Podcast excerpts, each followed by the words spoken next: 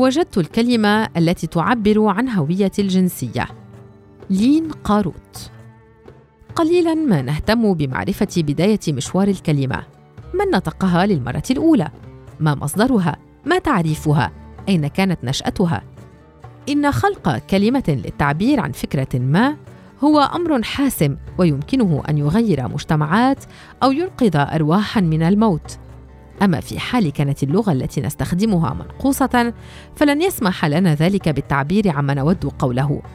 وإن لم نجد كلمات تشرح ما نود قوله فلن يفهمنا محيطنا ولن يقدر على التعاطف معنا. بإمكاننا إذن في هذه الحالة وضع كلماتنا المنقوصة في قارورة ورميها في البحر. هل تعرفون أحدا أخرج يوما قارورة من البحر وقرأ من جوفها كلمات منقوصة وفهم شيئا؟ على حد علمي لا. لكن إن وجدتم هذا الشخص فلا تترددوا في إخباري فأنا أحلم بقراءة رسالة وصلت في قارورة إلى شاطئ البحر. كشفت الفيلسوفة البريطانية ميراندا فريكر في كتابها الظلم المعرفي أن الشخص الذي يعاني مما أسمته الظلم الهرمنيوتيقي لا يستطيع التحدث عما حصل له لقلة وجود الأدوات اللغوية التي تسعفه في التعبير عن الظلم الذي تعرض له. تماما كما حصل يوما مع النساء وبعض الرجال وآخرين ممن لا يرغبون في تحديد جنسهم قبل وجود كلمة تحرش للتعبير عن ذلك الشعور الذي يخترقهن حين يتحرش بهن أحدهم. لا وجود لكلمة تختارها للإجابة عن سؤال. لماذا ترغبين بالاستقالة من هذا العمل؟ اليوم يمكنهن القول لقد تعرضت للتحرش. ويمكنهن أيضا رفع دعاوى قضائية باستخدام الكلمة ذاتها وطلب تعويض مادي ومعنوي وتسمية الفاعل بالمتحرش ورميه في السجن إذا تطلب الأمر. حسنا. بعد هذه المقدمة ما هي الفكرة التي كنت أبحث عن كلمة للتعبير بها عن هويتي الجنسية ووجدتها حديثا؟ كنت أشعر بأني أنتمي إلى مجتمع الميم عين بشكل أو بآخر. ولكنني لا أنتمي بشكل كامل إلى أحد أطيافه المتعارف عليها المثلية الجنسية والازدواجية الجنسية والعبور الجنسي إلى آخره. أشعر بطريقة ما بأنني أنتمي إلى أطيافه جميعا بحيث من الممكن أن أنجذب جنسيا أو عاطفيا إلى أي شخص كان بغض النظر عن جنسه أو جندره أو ميوله الجنسية. الفكرة ليست معقدة. الانجذاب هنا مبني على شخصية الآخر وإحساسه وطاقته والهالة التي تحيط به بمعزل عن أعضائه التناسلية أو عن الطريقة التي يفضل أن يعرف بها عن جنسه أو ميوله. ما الكلمة التي تعبر عن الهوية الجنسية؟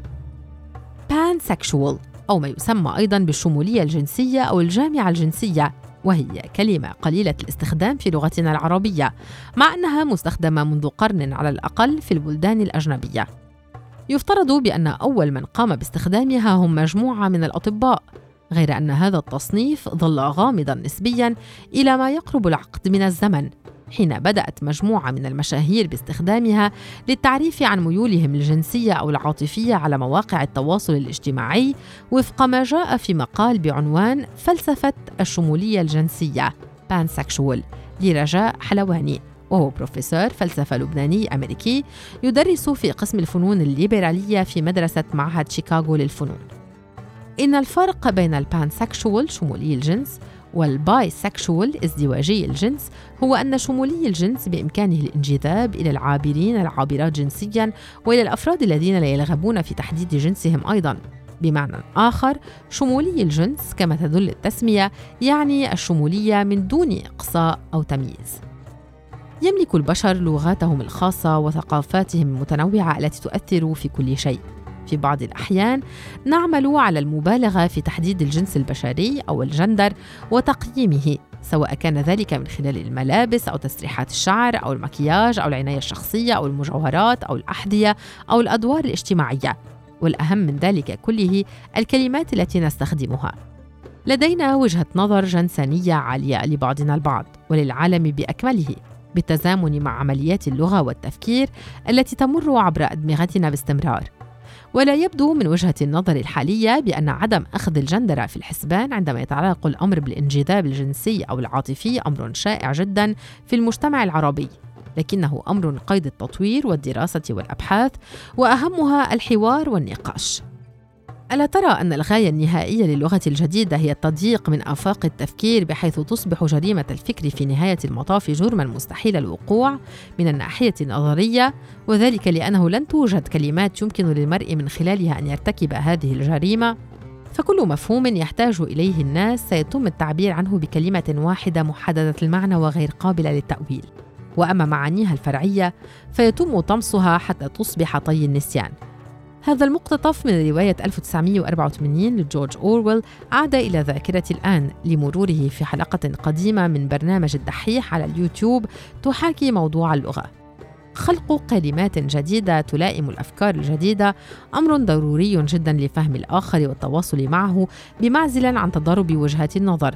لكن استبعاد الآخر لمجرد أننا لم نفهمه أو لم نحاول فهمه أساسا ونبذه على أسس ظالمة وغير منطقية ولا يؤدي إلى نتائج بناءة لا على الصعيد الشخصي ولا على الصعيد المجتمع تخيلوا أن البعض يتم نبذهم في هذه اللحظة من العائلة أو المجتمع أو المدرسة أو دائرة الأصدقاء أو الحافلة أو العمل أو البلد لمجرد أن ميوله العاطفية أو الجنسية مختلفة عن ميول الغالبية المحيطة به حسب وجهة نظر النابذين طبعاً.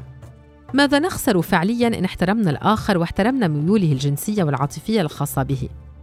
كثر من أفراد مجتمع الميم عين الذين يعانون هذا النبذ في مجتمعاتنا يقومون بطلب حق اللجوء إلى مجتمعات أوروبية تحترم حقوقهم في العيش على كوكب الأرض أما في حال تعذر عليهم ذلك فإنهم يحاولون بكل ما أتيح لهم من قوة مواجهة هذا النبذ ماذا سنخسر إن لم نمارس الظلم الهرمنيوتيقي على الآخر؟ أعتقد بأننا سنفكر مرتين قبل ممارسة هذا النوع من الظلم نظرا لصعوبة لفظ الكلمة المختارة للتعبير عنه أيضاً.